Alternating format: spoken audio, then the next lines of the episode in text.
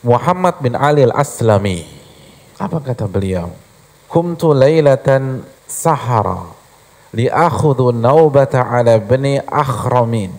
Aku bangun di tengah malam untuk mendapatkan giliranku belajar atau bahasa kita belajar atau baca membacakan sebuah ilmu dari Ibnu Akhram. Jadi dia berangkat sahur jam berapa kira-kira itu? Jam 4, oke jam 4. Ke gurunya jam 4, sahur berangkat ke gurunya itu Ibnu Akhram.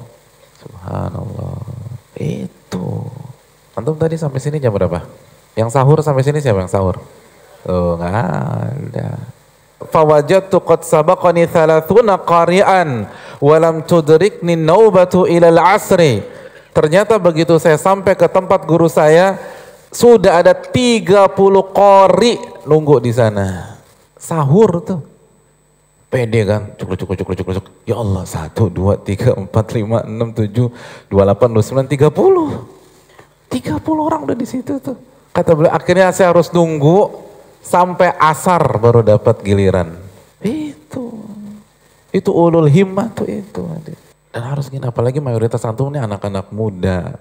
Harus berpikir jauh lah. Cita-cita tuh tinggi setinggi-tingginya.